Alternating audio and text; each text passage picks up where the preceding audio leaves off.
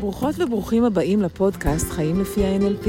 אני דפנה רטר. ואני נוגה רטר. בכל פרק נעסוק בתחום אחר של החיים. וביחד נלמד איך אפשר לחיות אותו טוב יותר לפי ה-NLP. אז בואו נתחיל. ברוכים הבאים לפודקאסט חיים לפי ה-NLP. היום אנחנו עומדות לדבר על פוביות ולהגיד לכם איך ה-NLP פותר באופן מדהים את הבעיה הרצינית הזאת. אז אה, לפני שנמשיך, אם אתם אוהבים את מה ששמעתם כאן, ספרו לחבר או לחברה ודרגו אותנו באפליקציות הפודקאסטים השונות. זה עוזר לנו להגיע לעוד מאזינים, אז תודה רבה ונתחיל. בואו נתחיל. כן, אז אה, נוגה, פוביה. טוב, מה זה בעצם פוביה? אז אולי אנחנו נתחיל מלדבר קצת על אה, נתונים.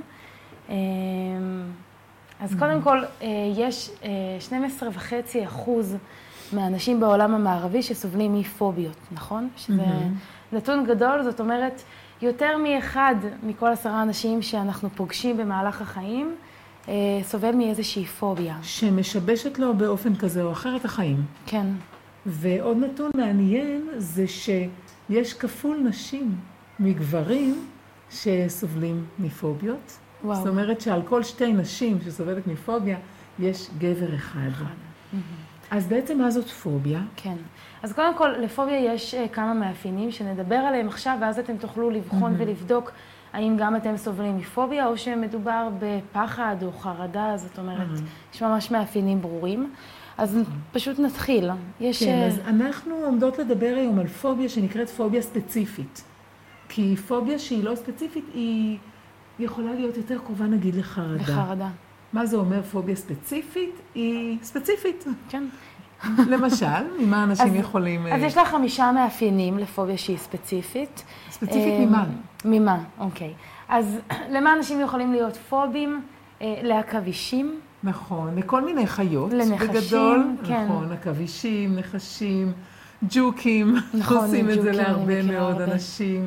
אז חיות. כן. יש אנשים שיש להם פוביות מחתולים, מכלבים. ב, אני חושבת שיש יותר אנשים שיש להם פוביות מכלבים נכון, מאשר מחתולים. נכון, אני גם חושבת. כן. ובפרק אה, הבא, שנדבר על אלרגיות, החתולים יככבו לנו באמת קצת יותר. נכון מאוד. אז חיות. חיות. מה עוד? אה, יש אנשים שיש להם קלסטרופוביה. שהם בעצם מפחדים ממקומות סגורים, או אנשים נכון. שמפחדים ההפך. נכון. ממקומות פתוחים. אגרו, אה, אגרופוביה, ממקומות דווקא פתוחים. פתוחים, או פחד גבהים, פוביה כן. מגבהים. ממעליות. ממעליות, מטיסות. שזה... מקומות סגורים, נכון, נכון טיסות. נכון, מלעלות על גשרים. שזה אה, לדעתי גם כן על אה, פחד כן, גבהים. מלנהוג. Mm-hmm. אוקיי. למרות אז... ש... פה נשאלת השאלה אם זה, אם זה פוביה או חרדה מנהיגה. נכון. נדבר על זה עכשיו. ותכף אנחנו נבדוק באמת אם לבן אדם יש פוביה, איך הוא יודע, אם בן אדם מפחד לנהוג, איך הוא יודע שזאת אכן פוביה. Mm-hmm. אז אנחנו אומרים שהדבר הראשון זה שמדובר בפחד שהוא מאוד מאוד ספציפי. כן. בן אדם שפוחד מעכבישים, הוא לא פוחד מדברים אחרים. Mm-hmm. כל הפחד שלו מתנקז לזה. נכון. זה מדהים להגיד שבן אדם שמפחד מהכבישים, אם הוא יראה ג'וק בערך באותו גודל, הוא יכול להישאר כל כך רגוע ושלב, אבל אם לרגע אחד יעבור שם העכביש, זה ישר מכניס את הכל. זאת אומרת, כן. זה כל כך ספציפי וכל כך ממוקד, אי אפשר להתבלבל פה. נכון. אדם שיש לו פוביה, הוא יודע בדיוק ממה הוא מפחד. נכון, ואותו הגורם לפוביה, יש בו איזשהו גרעין של אמת. זאת אומרת, יש איזושהי סיבה לבוא ולהגיד, כן, יש סיבה לפחד מהעכבישים. לא כמו שבן אדם מפחד מזה בפוביה, אבל uh, גרעין של אמת, mm-hmm. נכון? גרעין בעצם של סכנת חיים ממשית. כן. זאת אומרת, uh, יש עכבישים בעולם שיכולים להרוג, כמו, uh, כמו נחש שיכול להקיש. נכון.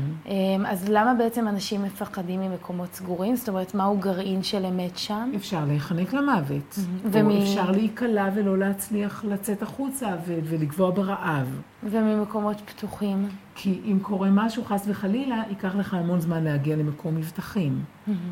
אוקיי, אז... מה אה, לגבי, לגבי אה, פוביה מעמידה מול קהל? זהו, זה מעניין.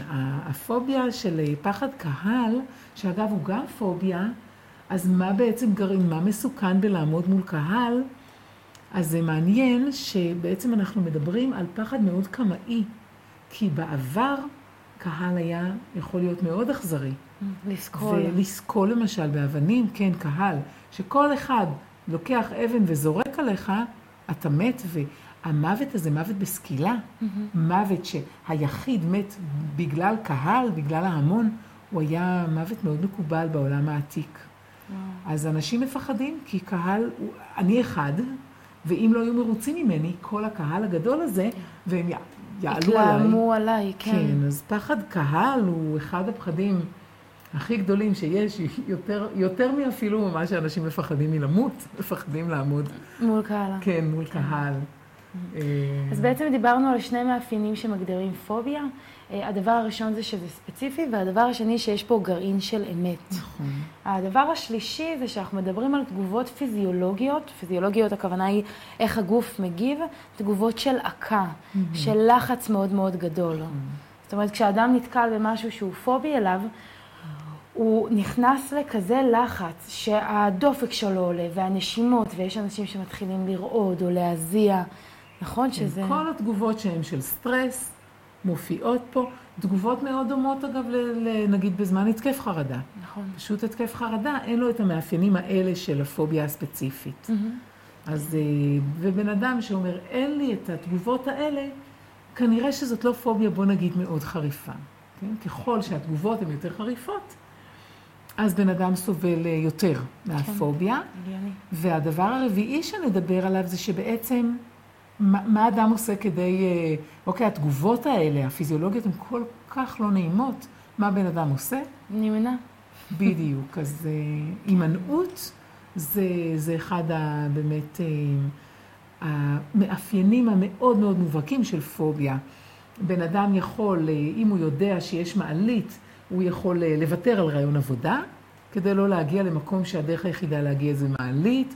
הוא יכול, אה, זאת אומרת, להימנע מדברים מאוד מאוד משמעותיים. לעלות 25 קומות ברגל במקום כן, לעלות ולהגיע במעלית. מותש ו, וגמור מזה. אה, יש אנשים שבמשך שנים לא טסים. נכון. שנים. מוותרים על, אה, על מקומות עבודה בגלל העניין של טיסות. Mm. מבררים 16 פעם לפני שהם נכנסים לטיול המאורגן, זה פשוט סיפור שאני שמעתי מחברה, שהיא אומרת לי, בדקתי שאנחנו לא עולים על שום גשר. כי אם אנחנו נעלה על גשר, אני לא באה לטיול המאורגן הזה. איזו הימנעות, כן, כן, כמה בן אדם. מוכן לעשות כדי להימנע מהדבר שאליו הוא פובי. אנחנו יכולים להגיד שככל שהפוביה היא, היא יותר קיצונית, היא יותר חזקה, ככה ההימנעות היא יותר גדולה. אה, לדוגמה, אני מכירה מישהי שבאמת יש לה קלסטרופוביה, וזה בא לידי ביטוי בפוביה ממעליות. והיא אומרת, אם זאת תהיה מעלית שיש בה מקום לשמונה אנשים, ובמעלית יהיו רק שני אנשים, ואת אחד מהם אני מכירה ואני בוטחת בו, אז יכול להיות במצבים מסוימים שאני כן אסכים לעלות על המעלית. אז זה מעיד על זה שהיא כן מוכנה אה, להיחשף ולהיות י- ביחד עם הגורם הפובי. אה, יש אנשים שימנעו מזה באופן מוחלט לגמרי, ואז אנחנו יודעים להגיד שהפוביה היא יותר חזקה. נכון. והדבר החמישי, והוא הוא מאפיין קריטי בשבילנו כמטפלים, נכון. זה היעדר רווח משני. רוצה להגיד על זה משהו? מה, למה הכוונה? אנחנו יודעים להגיד בעולם הטיפולי שכל בן אדם שסובל מקושי או מבעיה מסוימת, אז הוא גם בדרך כזו או אחרת, בדרך עקיפה, מרוויח. יש פה רווח והוא משני. Uh, הרבה פעמים uh, ילדים סובלים מכל מיני uh, מחלות או קשיים או כאבים, ומה שהם מרוויחים מזה זה לדוגמה תשומת לב, זמן עם ההורים, מקלים עליהם בכל מיני דברים. Uh, אז אנחנו, כן, בסוף אם אנחנו נסתכל על כל דבר, כל בעיה שאנחנו סובלים ממנה, אנחנו נראה שאנחנו גם מרוויחים משהו. אה, דוגמה מאוד טובה לזה זה עישון, שאדם, זאת אומרת, כולם אומרים למה לעשן, ושזה לא בריא, וזה יהרוג אותך בסוף, אבל יש פה רווח כל כך כל כך גדול בלעשן, שזה מה שמוביל זה אנשים. מרגיע אותי, זה מאפשר לי אה, לקחת הפסקה, אה, זה נותן לי להיות עם חברים, גם באמצע העבודה, זה נותן לי, יש פה הרבה מאוד רווחים רווחים. משניים. וכשיש, כשאין רווח משני, אז בעצם הטיפול הוא יותר פשוט. כי אם יש רווח משני, אנחנו קודם כל צריכים גם לוודא שמשהו אחר יחליף. זאת אומרת, בן אדם לא יכול להפסיק לעשן, אם אנחנו לא נספק את הצרכים שהעישון נותן לו. הוא צריך למצוא דרך אחרת כדי להירגע, ודרכים אחרות כדי להיות בקשר עם אנשים, ודרכים אחרות כדי לקחת לעצמו הפסקה. אה, זה אבל... מאוד, כן, זה מאוד משמעותי עבורנו בעולם הטיפולי לדעת שבפוביה אין רווח משני, כי כשאין רווח משני הטיפול הוא מאוד מאוד קצר, הוא מאוד ממוקד. זאת אומרת, אין לנו עוד דברים שאנחנו צריכים לקחת אותם בחשבון, אלא יש פוביה. בואו נתקן ונטפל ונשנה ונשחרר. כן. אה, כן. נכון.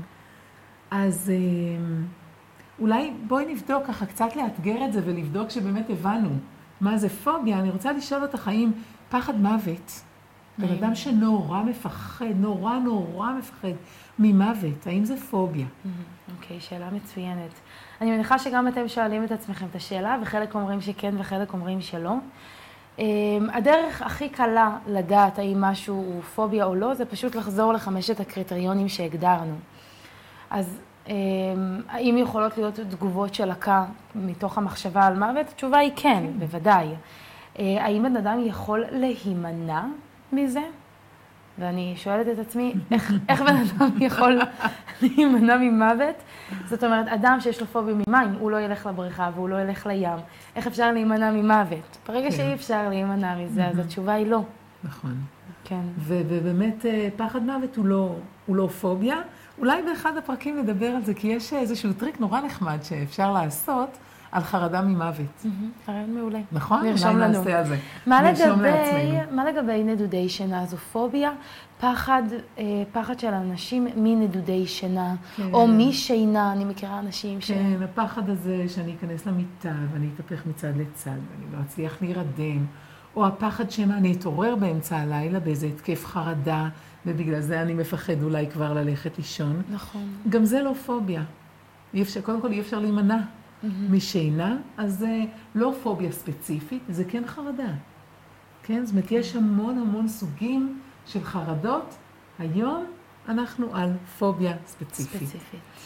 אמ, האם מישהי, שאת הזכרת מקודם פחד ממים, נכון. אז בוא נגיד שלמי שיש פוביה ממים, mm-hmm. לפחות היא מגדירה את זה כפוביה ממים, היא לא תיכנס לבריכה, היא לא תלך לים, היא יכולה לשבת מרחוק, אגב, זה לא מפחיד אותה, אבל היא לא תיכנס למים, ובתשאול קצר אנחנו מגלים שהיא, אה, כשהיא הייתה ילדה, היא טבעה. היא טבעה. כמעט למוות. זאת אומרת, היה שם אירוע טראומטי מאוד בעבר שלה.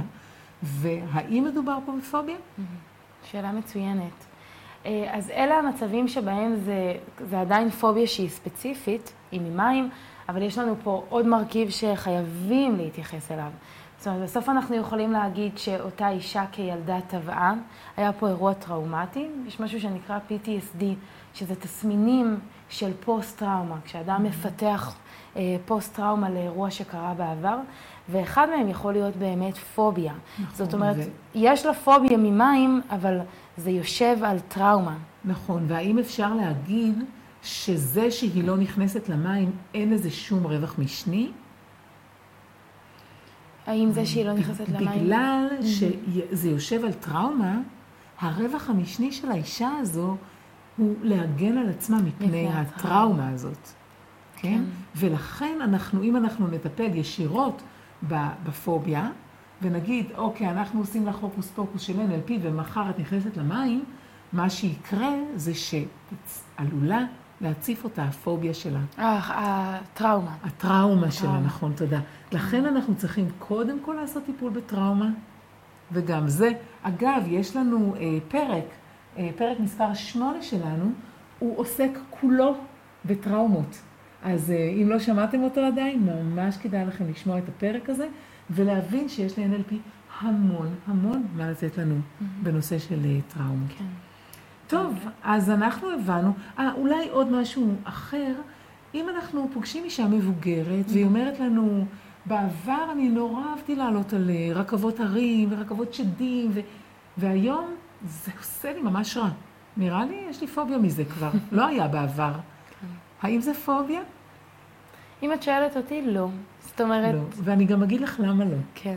בגילי, ממרום גילי, אני יכולה להגיד לך שכשאנחנו מתבגרים, היכולת שלנו לייצב את עצמנו, השיווי המשקל שלנו משתנה. Mm-hmm. זאת אומרת, ילדים יש להם איזו גמישות אדירה לעלות ולרדת ברכבת שדים, וזה סבבה להם לגמרי, ואנשים מבוגרים, זה פשוט עושה להם רע, פיזיולוגית. אנחנו כבר פחות גמישים. אני אגב עוד כן, אין לי בעיה. אנחנו יכולות עדיין... אני אקח אותך לדיסנילנד. אה, בכיף, אני מתה על הדברים האלה, אני פשוט חולה על ה... הזה בבטן. אבל אנשים מבוגרים הרבה פעמים מאבדים את הגמישות הזו.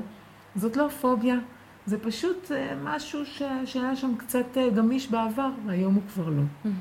יפה. אוקיי? וגם לא יהיה שם את, ה... את התגובות הפיזיולוגיות שדיברנו עליהן. ו... אז, אז צריך להגדיר טוב טוב מה זה פוביה, וכשאנחנו יודעים מה זה פוביה, אז בואי נדבר רגע על הטיפולים המקובלים שהם לא ב-NLP. כן, מה... אדם רוצה פסיכולוגית, אה, פסיכיאטרית, לטפל בפחד הזה, הוא רוצה לעלות לבמה, הוא רוצה לטוס, הוא רוצה... כן. אז מה בעצם האפשרויות שעד היום אפשר לטפל בהן בנושא של פוביה? Mm. אה, אז טיפולים מקובלים, אז יש את ה-CBT מעולם הפסיכולוגיה, נכון. שזה בעצם מאוד עוסק במחשבות. זאת אומרת, אם, אם אנחנו נתעסק במחשבות ונמקד אותם בדברים אחרים, נעשה איזושהי עבודה ברמה המחשבתית, אז יש איזושהי תקווה לזה שזה באמת כן, יעזור. ממש להבין את הלך החשיבה של הבן אדם, ולאט לאט לשנות שם את החשיבה. זה לא טיפול קצר, בטח לא זבנג וגמרנו. Mm-hmm, כן. מה עוד יש לנו? אה, יש משהו שנקרא טיפול בחשיפה, חשיפה הדרגתית. אני רק מלחשוב על זה, יש לי איזה כזה התכווצות בבטן. אולי נסביר מה זה, מה זה אומר, זה דסנסיטיזציה, זאת אומרת, בהדרגה אנחנו רוצים שבן אדם יהיה פחות ופחות רגיש לזה, אז אה, מה זה אומר? אז חושפים אותו בהתחלה, זאת אומרת, אפשר, נגיד אדם שיש לו פוביה מהעכבישים, יכולים בהתחלה להראות לו אה, תמונה של עכביש, או אחר כך להראות לו סרט על מסך טלוויזיה, זאת אומרת ש... שהעכביש גם זז, זאת אומרת, בהדרגה חושפים אותו לזה יותר ויותר. בהתחלה, בשלב מסוים העכביש נמצא רחוק ממנו, ורוצים כל פעם... בתוך קופסה, סגורה. וכל פעם רוצים לקרב את ההיחשפות אל הדבר שאליו אדם פובי. אם אתם שואלים אותי, זה נראה לי כמו אה, טיפול אה, אכזרי. עם עינוי מתמשך. עינוי מתמשך. וכל פעם בן אדם צריך להתמודד עוד קצת. ועוד קצת. אגב, אני גם לא קצת. מאמינה, אני לא מאמינה שזה כל כך, זאת אומרת, לי, אני, לי הייתה פוביה לעכבישים. אה, לא עשיתי טיפול אה, של היחשפות הדרגתית, אבל אני לא מאמינה כמישהי שסבלה מפוביה, שזה, שזה יכול לעזור. זאת אומרת, מבחינתי... זה עובד, זה עובד, אבל יש אנשים שבאמת אה, לא, לא מסיימים את הטיפול. עליהם זה לא יעבוד. שהם לא מצליחים להחזיק. כן. יש גם uh, תרופות, זאת אומרת, גם הרפואה הקונבנציונלית נותנת לזה מענה, איזה תרופות יש שיכולות לעזור? אז זה, אה, זה יכול להיות ווליום, זה יכול להיות זנקס, אה, לי היה תלמיד שהיה לו, הוא היה איש מוכשר וכריזמטי בצורה בלתי רגילה, הוא היה מרצה, אבל הוא היה עם פחד קהל אדיר. אז כל פעם, לפני שהוא היה צריך לעלות לבמה, הוא היה לוקח זנקס. Mm-hmm. ש... ואחר כך הוא היה אומר שזה היה מפיל אותו, הוא היה אחר כך ישן איזה יום, יומיים רק להתאושש מהזנקס, אבל זה מה שאפשר לו אה, בכל זאת כן להמשיך להופיע, ובאמת טיפול של NLP. והוא היום אה, נהנה מאוד לעמוד על במה בלי, אה, בלי תרופות בכלל. אני, אני רק אגיד שלדוגמה ווליום, שזה כדור הרגעה שמאפשר לאנשים שסובלים מפוביה מטיסות לעבור את הטיסה, אז הוא לא פותר את הבעיה, הוא בכלל לא מגיע, זאת אומרת, יש פה משהו כל כך סימפטומטי. אנחנו מדברים על זה שאחד מחמשת המאפיינים של פוביה זה תגובות של עקה, mm-hmm. של לחץ. ווליום, מה שהוא עושה זה שהוא פשוט לא מאפשר לגוף להעלות את רמות הסטרס. זה כמו לעבור את הטיסה חצי רדום חצי mm-hmm. ישן. זה לא פותר את הבעיה, זה לא שאדם שייקח מספיק פעמים ווליום בחיים שלו, הפוביה תשתחרר, אין שום קשר, זה מאוד מאוד כן, סימפטומטי. מאוד סימפטומטי. כן. והיום גם נכנסות כל מיני שיטות של מיינדפולנס, של להיות ברגע, שהרבה פעמים הפחדים שלנו נובעים או ממה שאנחנו חושבים על העתיד, או מזיכרונות יש לנו בעבר. היכולת הזאת להיות במיינדפולנס, בקשיבות, אה, מאוד מאוד אה, גם כן עוזר. אבל כל זה לא עוזר כמו NLP, ש... ולשם כך התכנסנו כאן, נכון? אנחנו רוצים לראות איך חיים עם NLP באמצע... עם פוביה, איך פוביה יכולה לפתור את זה. בהחלט.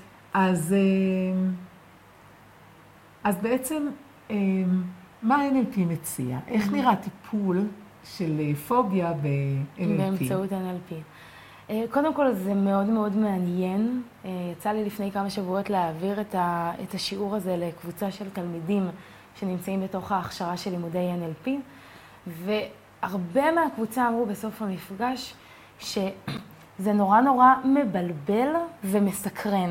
זאת התחושה שיוצאים ממנה מהתהליך. אז אם אתם סובלים מפוביה, או שאתם מכירים אנשים שסובלים מפוביה, אתם חייבים לעבור את התהליך הזה או להמליץ עליו. הרעיון שלו זה בעצם, אם אנחנו אומרים שאין פה רווח משני, ולא צריך לטפל בשום דבר קודם, ואין איזושהי טראומה שיושבת על הפוביה, mm-hmm. אז אפשר לעשות טיפול שהוא מאוד מאוד נקודתי. טיפול אחד, זאת אומרת, אנחנו כן רוצים שיהיה לנו אה, חיבור לאדם, שהאדם יסמוך עלינו, אבל בגדול אפשר בטיפול אחד של 40 דקות, 45 דקות, לשחרר אדם מפוביה. שהוא סבל ממנה גם שנים רבות. שנים, שזה נשמע הזוי. הזוי מאוד. הטיפול הזה הוא כל כך יעיל וכל כך פוטוגני, שהוא אגב גם מה שפרסם את ה-NLP. את רוצה לספר על החוויה שלך? נכון, באמת אה, בתחילת ה-NLP, איפשהו אמצע שנות ה-70 של המאה הקודמת, אה, אחד התהליכים הראשונים ב-NLP שבנדר וגרינדר, שני הגאונים שיצרו את ה-NLP, המציאו, היה הטיפול הזה בפוביה. Mm-hmm. אז קודם כל זה מתבסס על זה שפוביה, לפי בנדלר וגרינדר, זאת טעות בלמידה. זאת לא בעיה פסיכולוגית. זה יכול להיראות לנו אולי כמו בעיה פסיכולוגית, כי בן אדם חווה חרדה, וחרדה זה פסיכולוגי. לא, הם באים ואומרים, בן אדם למד טעות. בטעות הוא למד שעכביש זה מסוכן, ועכביש זה בעצם לא מסוכן. ואם זו לא בעיה פסיכולוגית, אין צורך לטפל בה פסיכולוגית. לטפל בה, פשוט לתקן את הטעות. אז מה שהם אומרים זה שבעצם הפוביה, כמה שהיא בעיה כזאת גדולה, היא נשענת על הרגליים שעליהן היא עומדת, הן נורא נורא נורא דקיקות. כל כך כל כך דקיקות, וגם אם הבעיה גדולה מאוד ועולה מאוד מאוד למעלה, הרגליים כאלה דקיקות שבצ'יק אנחנו יכולים למוטט את הפוביה. אהבתי את הדימוי הזה, מקסים. כן. אנחנו מדברים על זה ש-NLP זה Neuro-Linguistic Programming. Programming, ה-P זה תכנות. כשאין לנו רווח משני, כשמדובר בטעות בלמידה, זאת אומרת, המוח למד בטעות לפחד ממשהו שאין צורך לפחד. Mm-hmm. אז כל מה שאנחנו צריכים לעשות זה לעבוד על ה-P הזה ברמת התכנות, ולתכנת את המוח מחדש, במקום לפחד. אה, להגיב בשלווה, לדוגמה. ואיך עושים את זה? כן. אז אה, מה שבנדר וגרינדר גילו, זה שיש עוצמה אדירה ב- ל- בשבילי לדמיין סרט שהולך אחורנית. Mm-hmm. פשוט להפוך את הכיוון של החשיבה שלי, את, הכ... את הת... התכנות הרגיל שלי, רואה את הדברים ליניארית ורואה אותם כרונולוגית קדימה. קדימה. אני אה, אצא מהבית, אני אגיע למעלית, אני אהיה בחרדה, אני אכנס למעלית, אני כבר אהיה בפאניקה. בזמן שאני אעלה במעלית, הזמן יעצור מלכת, זה לעולם לא ייגמר, גם אם זה, אנשים אומרים לי שזה שלוש, שזה שלוש שניות או חצי דקה, מבחינתי חוויתי פה שזה אין סוף, ואני אצא משם פשוט גמור על הקרשים. זה התמונה, זה הסרט שיש לבן אדם בראש. כן. ומה, ואז באים אה, בנדר וגרינדר ואומרים, בוא נקרין את הסרט הזה אחורנית. נראה את הכל, הכל קורה הפוך. אוקיי? אז אם אני חושב שאני על הקרשים, אני מהקרשים, נכנס למעלית, יורד למטה ויוצא החוצה. כן. אני חושבת שזה, כמישהי שסבלה מפוביה, אני יכולה להגיד שזאת חוויה מאוד מאוד אה, חזקה ומבלבלת, שזה משהו שהתחלתי איתו, שזה מבלבל ומסקרן. למה? אני רגילה כל החיים שלי שאני רגועה, הכל בסדר. עכשיו, אנחנו אומרים שאחד מהמאפיינים של פוביה זה הימנעות. זאת אומרת, אדם רוצה להימנע מהפוביה, אלא אם כן הוא לא יכול. אז אני הולכת ופתאום אני רואה עכביש, אז אני רגועה עד הרגע הזה, ואז האובייקט של הפוביה מופיע, וברגע אחד כל הסטרס והלחץ עולים למעלה, ולוקח המון המון זמן להירגע מהסיפור הזה, ו- וככה זה חוזר על עצמו, וזה מה שהמוח זוכר. פעם אחר פעם אחר פעם. ואז התהליך של הפוביה אומר, בוא נריץ את זה אחורה. זה משהו שאף פעם לא עשיתי ברמת הדמיון. ומה שכל כך מבלבל וכל כך חזק בזה, זה שאני בעצם מדמיינת את עצמי בלחץ, אה, בלחץ שהולך וגובר וגובר וגובר וגובר, וגובר, ואז אני נתקלת באובייקט שאליו אני פובית, ושנייה אחר כך כל רמות הלחץ נופלות. כי, כי פשוט הסרט הוא הפוך. כי הסרט הוא הפוך, ו- ואני רגועה. ומשדרים את הסרט הזה עוד פעם ועוד פעם ועוד פעם, וזה כל כך מבלבל. הרי אנחנו אומרים, זאת אומרת, הפוביה יושבת על משהו, ואנחנו כל כך מבלבלים אותה שאין אין לה פחד כבר על מה לשבת. כן. זה הזוי, איך כן, זה עובד. זה, זה, קצת, אה, זה קצת מזכיר, נגיד, שוק חשמלי שעושים לאנשים אה, כטיפול פסיכול, אה, פסיכיאטרי, אם נגיד יש להם אה, דיכאון עמיד. Mm-hmm. אז הרבה פעמים, היום עושים את זה גם בצורה שהיא מאוד הומנית, אבל עושים איזשהו שוק חשמלי, הכל במוח זז, ומתיישב בחזרה אחרת. זה מה שקורה בטיפול הזה בפוביה, ומה שאנחנו גם עושים זה שאנחנו מריצים את הסרט כמה, כמה וכמה וכמה פעמים, וכל פעם יותר מהר. יותר מהר ויותר מהר ויותר מהר, ובעצם. האלמנט העיקרי שעליו אה, מושתתת הפוביה, זה שהזמן עוצר מלכת, מלכת, זה מין, הכל נעצר, אפילו הנשימה שלי נעצרת וזה לא ייגמר לעולם, ופתאום זה חלקיק שנייה, זה צ'אק, נגמר. בעצם אנחנו הופכים את הקצב מקצב מאוד איטי, שזה, שזה משהו שאנחנו יודעים שמאפיין אדם בתוך אירוע של פוביה, לקצב כל כך מהיר, ששוב, אין לה פוביה על מה לשבת. כן. אמ, אולי נדבר על הרעיון של אזעקה, כי אני חושבת שהוא גם יכול להמחיש את זה. כן, אז אה, הרבה מאוד אנשים לא יודעים איך, אה, איך פותח הצליל הזה של האזעקה, שזה מין... כשאני שומע אזעקה, אני נעתק את הנשימה. ובעצם מה הם עשו? הם לקחו צליל של אנחת רווחה, של מין... אה... ועשו אותו הפוך. ככה, וזה נורא מלחיץ. ובפוביה, אנחנו עושים הפוך. אנחנו לוקחים משהו נורא מלחיץ, ומשנים לו את, ה, את הכיוון. מקסים. וברגע הזה, הכל קורס. כן. זאת אומרת, התכנות שהיה שם לפני כן, הוא פשוט קורס, ובן אדם שסבל מפוביה המון שנים, בטיפול של רבע שעה, חצי שעה, כזה, הפוביה נעלמת. יכול להשתחרר. אני רק אגיד שיש עוד מונח ב-NLP שנקרא מרכיבי החושים. זאת אומרת... או sub-modalities. Sub באנגלית, כן, sub-modalities. אמ, הכוונה היא זה שהמוח שלנו עושה קידודים על ידי כל החושים לפוביה מסוימת. קידוד בחוש הראייה, חוש השמיעה, חוש התחישה, ריח, טעם, המגע. כשאנחנו משנים את כל זה, אז אנחנו כל כך מבלבלים את המוח, שזה עוד משהו שמשחרר את זה. דיברת על העניין הזה של ה... ואז את הנחת הרווחה, אז גם בתוך התהליך של הפוביה, אנחנו עושים את אותו הדבר עם הפחד או עם נכון. הסטרס. וגם כן. בתהליך עצמו, הגדול, אז מעבר להרצת הסרט אחורנית, יש שימוש בהומור. נכון. אנשים צוחקים. אם אני יודעת, נגיד, שהולכת להגיע אליי מישהי ויש לה פוביות מטיסות, אני ממש, אני עושה חיפוש בגוגל, מחפשת בדיחות על טיסות, כדי להצחיק אותה תוך כדי התהליך.